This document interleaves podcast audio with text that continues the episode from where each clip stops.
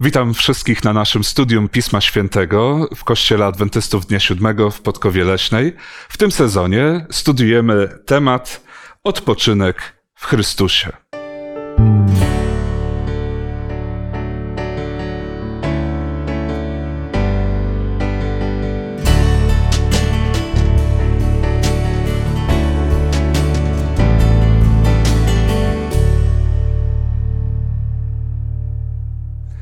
Razem ze mną w studiu są Agnieszka, Mariusz, Beata. Ja mam na imię Tytus. Moi drodzy, myślę, że zawsze powinniśmy zaczynać od modlitwy. Y, to taki dobry zwyczaj, dlatego Beata, poproszę Ciebie. Nasz drogi Ojcze w niebie, chcę Ci podziękować za to, że dałeś nam taką sposobność, że mogliśmy się tu spotkać Zamierzamy otwierać Twoje Pismo Święte, dlatego proszę Cię, byś zagościł tutaj swoim Duchem Świętym, żebyś prowadził, uczył nas. Drogi Ojcze, chcę Ci podziękować za to, że umieściłeś w Piśmie Świętym tak wiele odpowiedzi dla naszego życia, tak wiele skarbów. Ucz nas, Panie Boże, korzystać z tego na dzień codzienny, od święta, ale zawsze, Panie Boże, byś kierował naszym życiem i byśmy mogli uczyć się od Ciebie, Dlatego jeszcze raz proszę Cię, bądź tutaj największym gościem, a wszystko w zasługach i w imieniu Jezusa Chrystusa, Pana naszego. Amen. Amen. W tym tygodniu mamy taki temat, to w zasadzie są, są takie znane słowa Jezusa Chrystusa: Pójdźcie do mnie wszyscy. Myślę, że to gdzieś chyba znamy, e, ale tak na początek mam do Was takie pytanie. Y, no bo wszyscy czasami czujemy się zmęczeni z różnych powodów.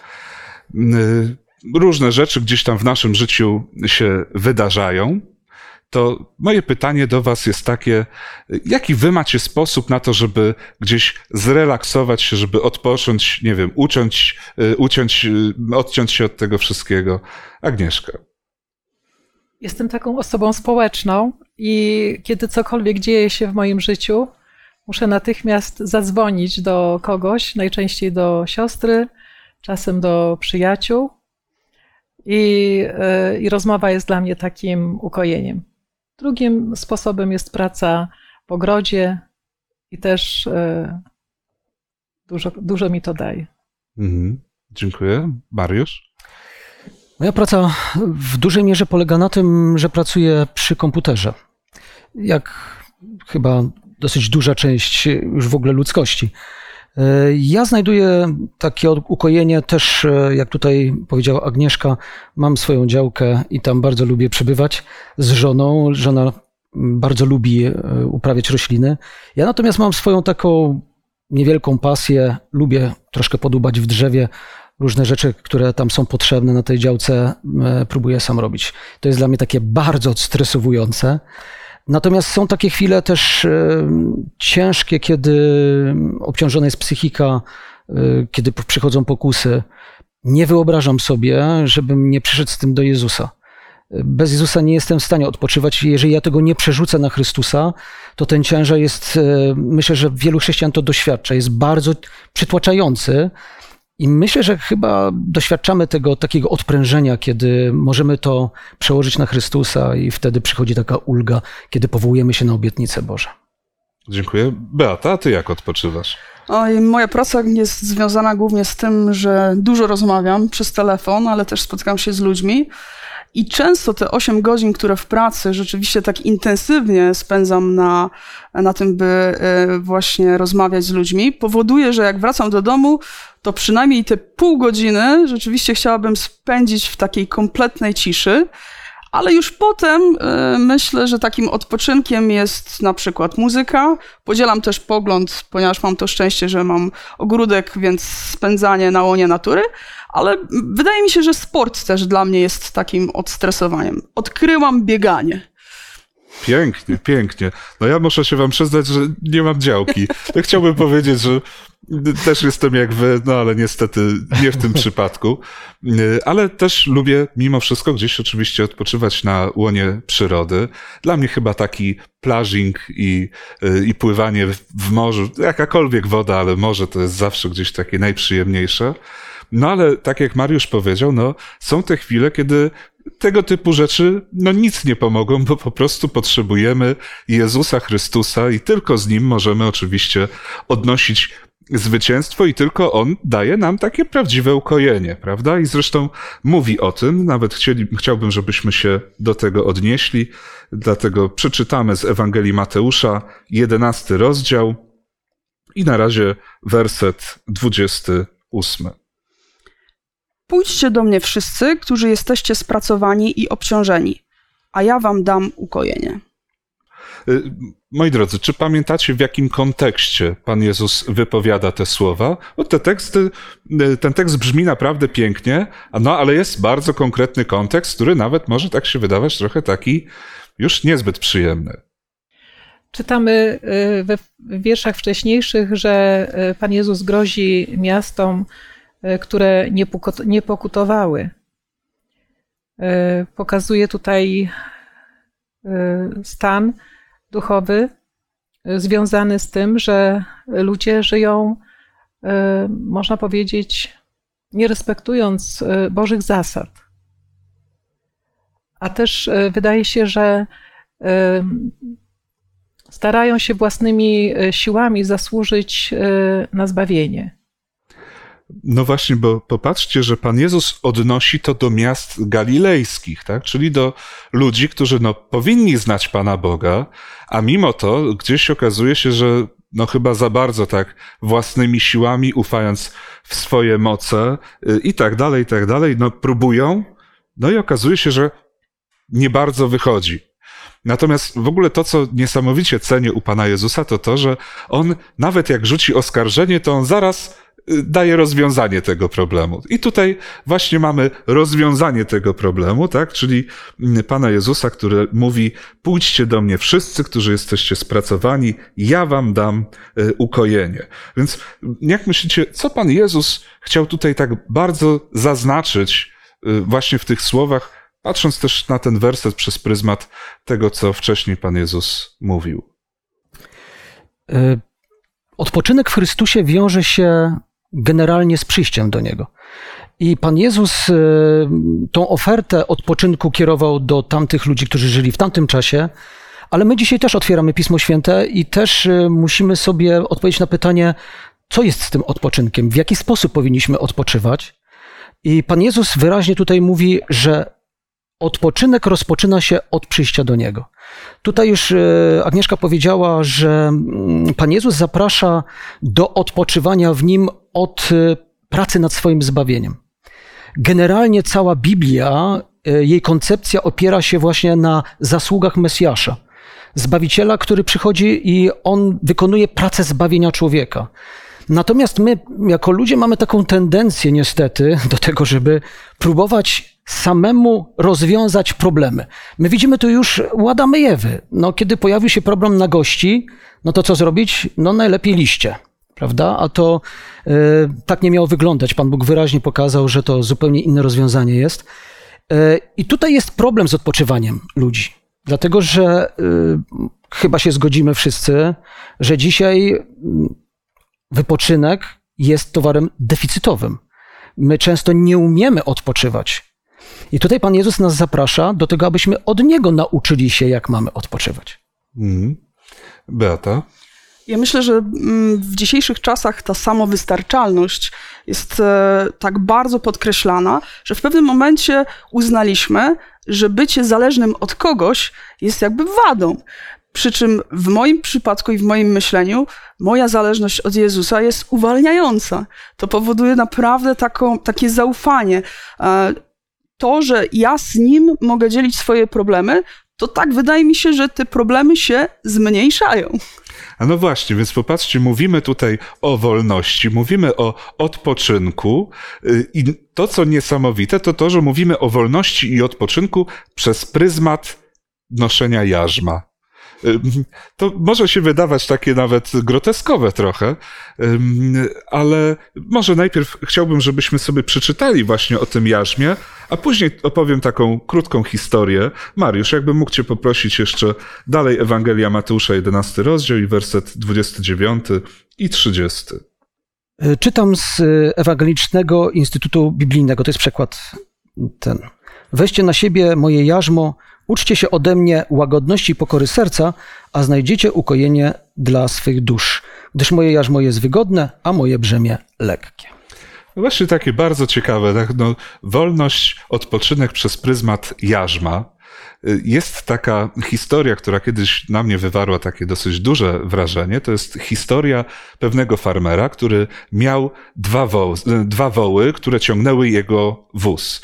Jeden z tych wołów już był stary, padł, więc oczywiście farmer poszedł, kupił młodego woła, zaprzęgł go w jedno jarzmo z tym starym wołem. No i ten stary wół mówi do niego, mówi, słuchaj, idź moim tempem, razem damy radę, razem pociągniemy ten wóz, nie zmęczymy się, wszystko będzie w porządku. Ale ten młody wół mówi, absolutnie, ja tu pokażę, że ja mogę wszystko własnymi siłami, ja tu młody jestem, to stary, to co ty tam możesz wiedzieć? Więc ja pociągnę ten wóz. No cóż, no i tak próbował ciągnąć ten wóz sam. Zmęczył się zaraz. I taki już zmęczony i zdyszany. I ten stary wół mówi do niego, mówi, widzisz, gdybyśmy razem ten y, wóz ciągnęli, wszystko by było w porządku. I ten młody wół nauczył się wtedy, że właśnie ten wóz trzeba ciągnąć razem z tym bardziej doświadczonym. Ja myślę, że to jest taka bardzo ciekawa y, ilustracja tego wszystkiego, że właśnie gdzieś przechodzimy przez to nasze życie, no i możemy próbować sami, własnymi siłami, ale zmęczymy się. Ale zmęczymy się. Y, natomiast tutaj oczywiście patrzymy na to, na to przez pryzmat przez pryzmat tego, że jest Jezus Chrystus, dzięki któremu przez to życie przechodzimy i, i to jarzmo oczywiście ono jest dla nas dużo, e, dużo przyjemniejsze. E, no, o ile jarzmo może być przyjemne. Czy jarzmo może być przyjemne, czy jarzmo może być lekkie? Agnieszka?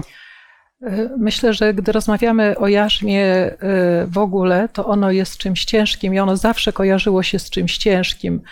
E, oprócz tego, że jarzmo jest tym narzędziem do pracy zwierząt e, i jest to jakieś takie zniewolenie tych zwierząt, bo one są zaprzęgnięte, nie mogą się ruszyć w żadną stronę e, inną, w żadną, w jaką chciałyby może same.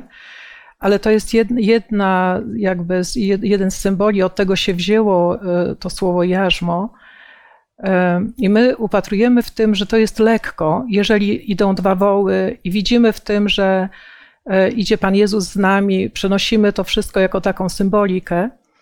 Jednak e, gdy Jezus mówi o Jego jarzmie, to tak naprawdę ma na myśli, tak myślę, e, swoją wolę i swoje dla nas zasady życia, Jego przykazania. Również dlaczego? Dlatego, że e, Żydzi również e, używali tego określenia na, na prawa. To była symbolika prawa.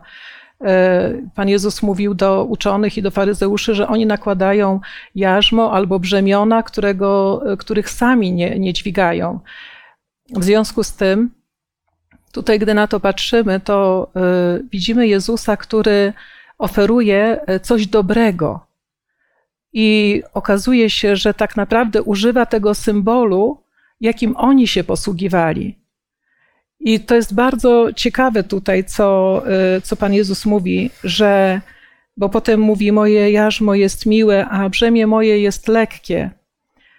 E, dla nas może tak, brzemię Jezusa jest y, lekkie, bo On bierze wszystko na siebie. To jest niesamowite, jaki jest Jezus, kiedy mówi o swoim e, posłannictwie, o swojej misji dla człowieka, że jego brzemię jest lekkie, jego jarzmo jest miłe. To jest tak, jak e, kiedyś słyszałam właśnie takie pytanie, czy łatwo jest przestrzegać e, przykazania Boże, czy trudno. I odpowiedź nasuwała się też taka, czy łatwo być w małżeństwie, czy trudno. I wiecie, wszystko zależy od tego, jakie są relacje pomiędzy tym, który nam y, to daje, a nami. Jeżeli te relacje są y, prawidłowe, relacje y, dobrych uczuć, to, to jest wszystko dobre i lekkie dla nas. Ale dla Jezusa nie było lekkie. Wiecie, po prostu jak ja widzę te słowa i myślę sobie, Boże, jesteś niesamowity, że, że tak to wszystko pięknie y, tutaj ująłeś. Mhm. Tak? Widzę, że y, tutaj mamy chyba dobre myśli, bo i Beata, i Mariusz y, chcieliby coś dodać. Beata, proszę. Ja chciałbym tylko bardzo mocno podkreślić to, że moje doświadczenie z Panem Jezusem jest takie, że wszystkie problemy kompletnie diametralnie się zmieniają, jeśli on mi w nich towarzyszy. To jest troszeczkę tak jak w relacji rodzica z dzieckiem. E, ja mam bratanków i często na przykład najmłodszy z nich mnie prosi, żebym go, e, żebym mu zawiązała buta. Dla niego w tej chwili to jest ciężka rzecz. Natomiast kiedy ja mu pomagam i mówię, gdzie te pętelki e, zrobić, to okazuje się, że potrafi to zrobić. Ja pamiętam swoje jakieś rzeczy, kiedy robiłam jakieś pierwsze potrawy, to podglądałam mamę, wydawało mi się, że mama robi wszystko najlepiej na świecie, ale obserwując ją i będąc razem z nią, mam nadzieję, że też część gastronomicznych talentów po niej odziedziczyłem. Y, zwróćcie uwagę, jak inaczej ten tekst y, brzmiałby, gdyby się zaczynał nałożę na was jarzmo. A inaczej on brzmi, kiedy czytamy weźcie moje jarzmo. E, popatrzcie, że żeby wejść w relację z Chrystusem, to musi być nasza decyzja. To człowiek musi zadecydować, że on chce wejść do tej relacji, bo dla mnie osobiście, moi drodzy, przymie, e, jarzmo jest symbolem przymierza, jest symbolem poddania się. I teraz e, nasi widzowie mogą zobaczyć obrazek, na którym są dwa woły i jak wygląda to jarzmo. E, to jarzmo jest e, takim stałym połączeniem dwóch wołów. To nie jest coś takiego luźnego na rzemienie e, i w języku ludzi, którzy zajmują się komputerami, znają to określenie stałe łącza. Słuchajcie, no, ludzie młodzi w ogóle wiedzą o co chodzi. Jest to bardzo często światłowód zamiast tego połączenia internetowego radiowego. I Pan Jezus zaprasza nas właśnie do takiej stałej łączności ze sobą. Mówi, słuchaj, ja ci gwarantuję to, że będzie to wygodne i miłe, ale jeśli ty zdecydujesz się na to, aby wziąć to jarzmo i wejść ze mną w przymierze, być ze mną w kontakcie. I teraz e, muszę wam powiedzieć, że kiedyś usłyszałem e, w radiu taką e, informację. Socjolodzy badali takie dziwne zjawisko, gdzie e, zauważono, że ludzie, którzy pracują w korporacjach, nazwano ich białymi kołnierzykami, e, no w sposób taki bardzo skrajny reagują e, w czasie weekendu i po prostu upijają się. I to tak notorycznie się upijają. Oczywiście ja wierzę, że wielu ludzi w korporacjach jest naprawdę asertywnych i radzą sobie z tym, ale to było takie niepokojące zjawisko i uświadomiłem sobie, że jeśli nie jarzmo Chrystusa, no to co? No to w ten sposób będę odreagował mój stres, moje negatywne emocje. Ludzie będą to zatapiać w alkoholu, w narkotykach, w dopalaczach. A teraz popatrzmy na, na bazie tylko tego weekendu. No ludzie odreagowują idąc do pubu na przykład. A gdzie nas poprowadzi Chrystus, jeżeli jesteśmy w jarzmie? No, Ewangelia Łukasza 4,16 według zwyczaju swego poszedł, aby w szabat odpoczywać, tak? Czytać Słowo Boże. Więc Pan Jezus zaprowadzi nas na nabożeństwo. Co usłyszymy na nabożeństwie? No to, że Bóg jest dobry, że Bóg jest miłością, że jest moim przyjacielem, że chce mi pomóc, że jest miłosierny, cierpliwy, to jaki wyjdę z tego nabożeństwa? No tak jak to jest napisane, lekki, tak? Ponieważ wiem, że Bogu mam przyjaciela.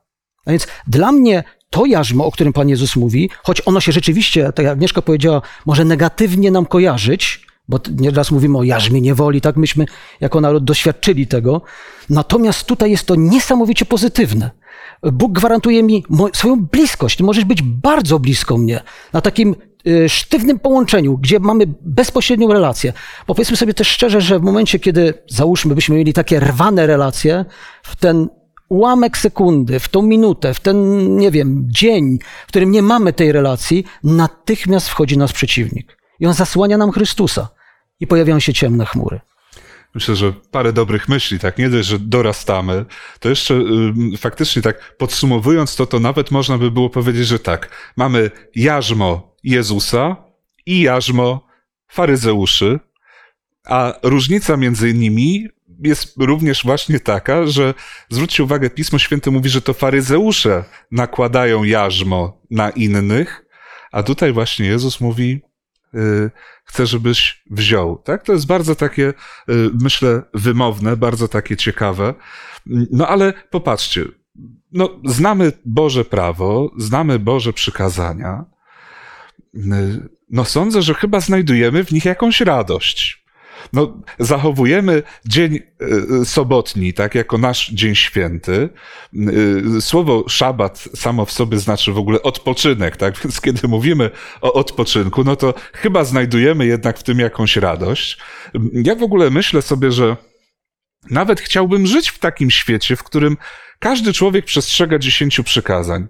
Prawda, że gdybyśmy byli w takim świecie, gdzie każdy przestrzega dziesięciu przykazań, to nawet gdyby dalej była śmierć, y, jakieś tam cierpienia, bóle i tak dalej, to i tak znajdowalibyśmy się w dużo lepszym miejscu niż jesteśmy dzisiaj.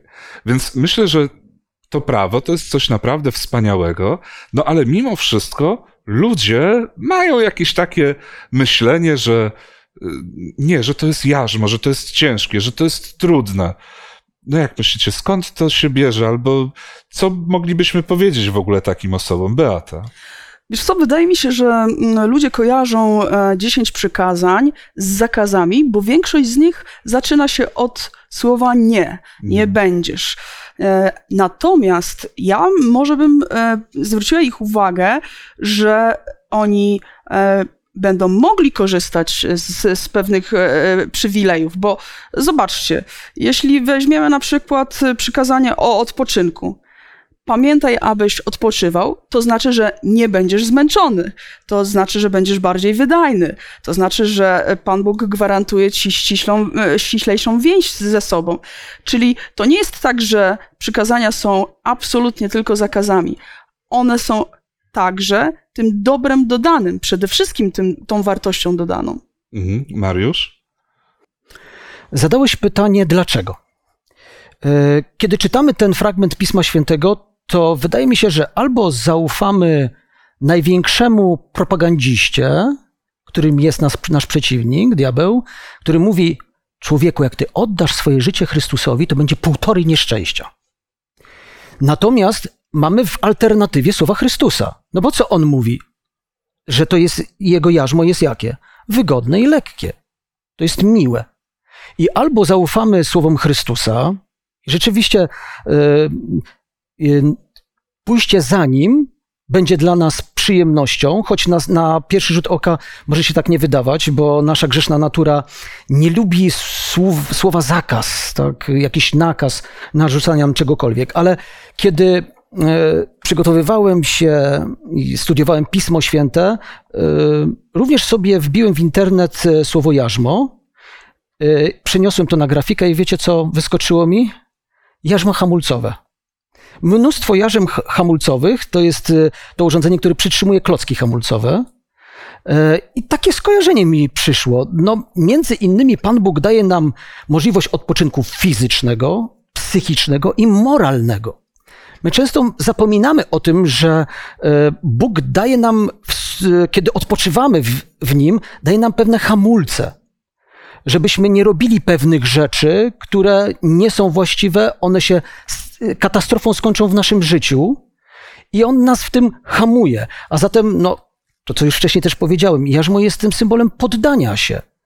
E, to nie jest też taka prosta sprawa, bo jeśli ja chcę korzystać być beneficjentem e, tych wszystkich dóbr, które tutaj gwarantuje Chrystus, no to ja muszę podjąć tą decyzję poddania się. Mhm. No właśnie, myślę, że chyba takim wyzwaniem dla nas, chrześcijan, jest właśnie to, żeby pokazać ludziom, że to jest bardzo przyjemne. Że to, no właśnie, że y, szabat gwarantuje nam odpoczynek, że y, tak naprawdę gdybyśmy przestrzegali, gdyby wszyscy przestrzegali tych przykazań, to to jest gwarancja, że nie będzie, nie wiem, zdrad małżeńskich, kradzieży i tak dalej, i tak dalej. Y, że Pan Bóg tak naprawdę to wszystko daje, dlatego że nas kocha i troszczy się o nas. Natomiast y, tutaj w tekście jeszcze czytamy taką też ciekawą rzecz, to znaczy Pan Jezus mówi, uczcie się ode mnie, że jestem cichy i pokornego serca. Może tak chociaż na chwilę chciałbym, żebyśmy zajęli się tym tematem, czy Pan Jezus zawsze jest cichy i pokornego serca? Czy y, znajdujemy takie historie, no, że mogłoby się okazać, że chyba jednak nie do końca? Agnieszka. Wydaje mi się, że y, to pytanie po części y, bierze się stąd, że powszechnie gdzieś zgubiliśmy sens cichości, o której mowa w Biblii, oraz pokory. Że w taki sposób troszkę niewłaściwy rozumiemy e, oba te pojęcia, bo e, pokora e, to jest postawa niezwykle aktywna człowieka w życiu, który według takiej świeckiej definicji pokory zna swoje ograniczenia, nie przechwala się, nie wywyższa się nad innych. Natomiast e, w takim ujęciu biblijnym, chrześcijańskim, e, pokora to jest e, poddanie swojego ducha Bogu, uzna, uniżenie się przed Bogiem, uznanie Boga jako najwyższą istotę, najważniejszą, wszechmogącą, uznanie Jego autorytetu, ale też uznanie tego, że my sami z siebie nic dobrego nie możemy uczynić, i to, co mówi Pan Jezus, mówi również takie słowa, że On sam z siebie nic nie czyni, tylko to czyni, co widzi, że Ojciec czyni. I można pójść dalej w tej pokorze, e, tak jak widzimy najpokorniejszego z ludzi, Mojżesza, e, który poddał się Bogu i wyprowadził naród egipski, przeprowadził niesamowite e, zdarzenia tam przeżywając. I też apostoł Paweł, który bardzo pokorny, mówi: Wszystko mogę w tym, który mnie wzmacnia, w Jezusie Chrystusie. To jest właśnie pokora. A my sobie myślimy, że pokora to takie, wiecie, niskie mniemanie o sobie, cicho siedzę. E, podobnie cichość. Cichość jest niezwykle związana z pokorą. I gdy zrozumiemy, że cichość oznacza pokój serca, że e, cichość to jest przeciwieństwo wzburzenia E, takiej, wiecie, takiego niepokoju nieustannego w sercu. Cichość e, oznacza taki pokój człowieka pogodzonego z Bogiem, z drugim człowiekiem, ze sobą samym.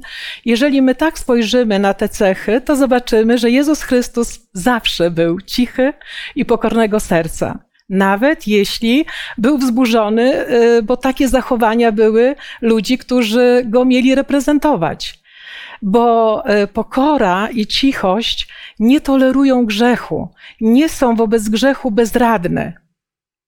Tak? Hmm. Więc e, myślę, że nawet jak Pan Jezus wyganiał e, przekupniów, nawet jeżeli mówił o grobach pobielanych, to nadal był cichy i pokornego serca.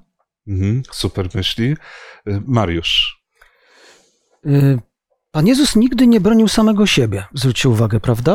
On nie bronił samego siebie, ale w tym przypadku, którym, y, który poruszyła Agnieszka, widzimy, że chodziło tutaj o cześć i chwałę Ojca. I w tym momencie Pan Jezus nie pozostał bierny. I mi się wydaje, że mm, oczywiście chrześcijanin powinien naśladować Chrystusa, bo zwróćcie uwagę, Pan Jezus wyraźnie mówi uczcie się. I ciekawie mówi, że nie, nie mówi uczcie się od Piotra, nie mówi uczcie się od Marii, tak? tylko mówi: uczcie się ode mnie. Pan Jezus daje najwyższy standard, do którego powinniśmy dorównywać. E, I jest to jakby dzisiaj w takiej opozycji do tego hałaśliwego świata. Zwróćcie uwagę, jak świat jest naprawdę hałaśliwy. E, gdy wjeżdżam do dużego miasta, a sam mieszkam w mniejszej miejscowości, to, e, to duże miasto ma swój rytm. On jest zupełnie inny od tego, który jest w moim mieście. E, gdy wchodzimy w internet, który jest wszędobylski, korzystamy z niego przez cały czas, również jest natarczywy, hałaśliwy. E, bardzo często ludzie, którzy są w tym e, w internecie, którzy chcą zaistnieć, to istnieją właśnie na, na takiej zasadzie kolorowo, dziwacznie, hałaśliwie, jakby zwracają na siebie uwagę, ja tu jestem. Natomiast my w Chrystusie znajdujemy swoją wartość i wcale nie musimy hałasować, żeby nas ktoś zobaczył. Chrystus widzi nas, widzi nas takimi, jakimi jesteśmy, kocha nas takimi, jakimi jesteśmy i w nim możemy rzeczywiście uczyć się tej cichości pokory, która jest ukojeniem, bo to jest ukojenie. To wrzaskliwe, natarczywe pokazywanie tego, że ja tu jestem, jest jakby takim krzykiem rozpaczy. Być może, że ludzie krzyczą, żeby pokazać, że mm, nie wiem, ja jestem tutaj, mam problem, y, szukam pomocy. Natomiast chrześcijanin znajduje to w Chrystusie. Mhm. Ja myślę, że dobrze by było, jakbyśmy też spróbowali to na przykład powiązać z historią takiego najbardziej cichego i najbardziej pokornego. To Mojżesz oczywiście. Ja w ogóle tak powiem wam, to dla mnie jest taką mm, ciekawostką, bo w zasadzie w księgach mojżeszowych, czyli w księgach, które napisał Mojżesz, czytamy, a Mojżesz był najbardziej e, skromny ze wszystkich. tak się zastanawiam, ile to musiało go kosztować, żeby to napisać, e, bo będąc skromnym, ciężko pisać o swojej skromności. E, ale jednak jest to dla nas oczywiście bardzo taka cenna, ważna, ważna informacja, tak? Właśnie, że nauczył się tej skromności, pokory. Wiemy oczywiście, że potrzebował 40 lat na pustyni, żeby do tego dojść, i dopiero wtedy Pan Bóg powołuje go, żeby wyprowadził Izrael z ziemi egipskiej, żeby wprowadził go do ziemi obiecanej.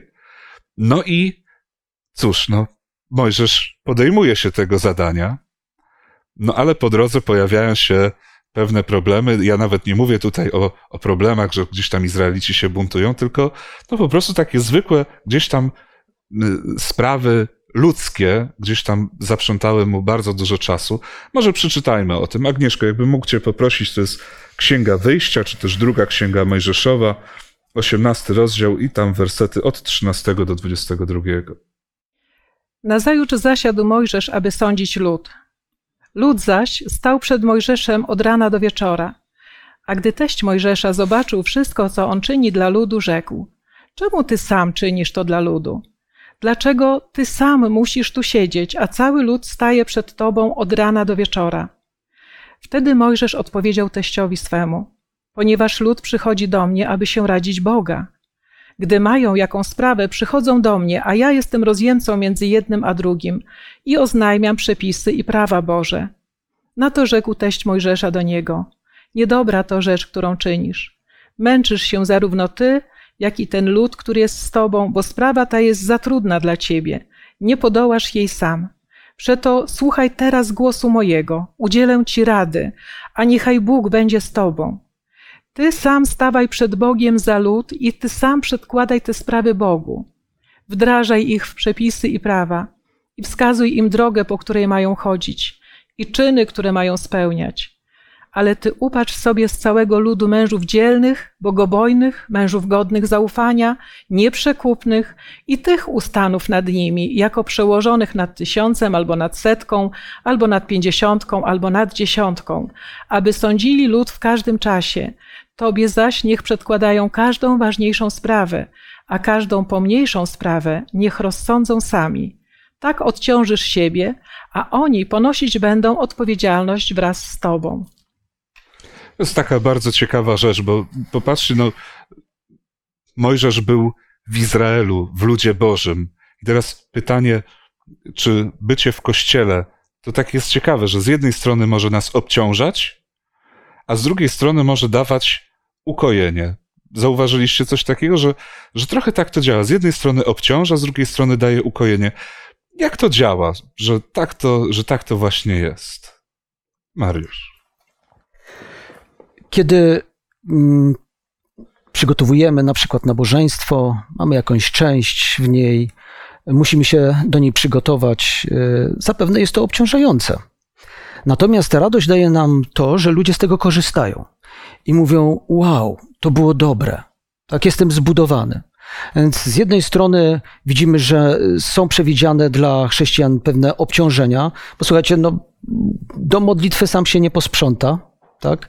E, pewne rzeczy się same nie wykonają, e, te czynności ktoś musi wykonać, a jednak możemy z tego wszyscy korzystać i możemy mieć z tego radość, ponieważ jeśli będziemy mieli e, cały czas w głowie to, że my to robimy dla Chrystusa, to będziemy mieli zupełnie inną perspektywę, bo Pan Jezus zaprasza nas do jarzma, tak jak wcześniej powiedziałem, że prowadzi nas w sobotę na nabożeństwo. I kiedy nieraz tak obserwuję ludzi, którzy przychodzą na nabożeństwo yy, i są tacy naładowani bardzo negatywnymi emocjami, to zadaję sobie pytanie, czy czasem nie są poza, poza jarzmem. Dlatego, że Pan Jezus mówi, uczcie się ode mnie cichości i pokory. Jeżeli idę z Chrystusem na nabożeństwo i naśladuję Go, no to jestem człowiekiem cichym i pokornym. I tutaj ważne jest, żebyśmy w kontekście tego odpoczynku w Chrystusie wszyscy zadali sobie pytanie, czy my jesteśmy w tym jarzmie. Czy przychodzimy na nabożeństwa, czy jesteśmy w kościele, pracując w jarzmie Chrystusowym, bo przecież my naśladujemy tylko Jego służbę. E, my nie wykonujemy zadań, które e, mają nam przynieść jakąś gloryfikację. Wszyscy wykonujemy służbę dla Boga.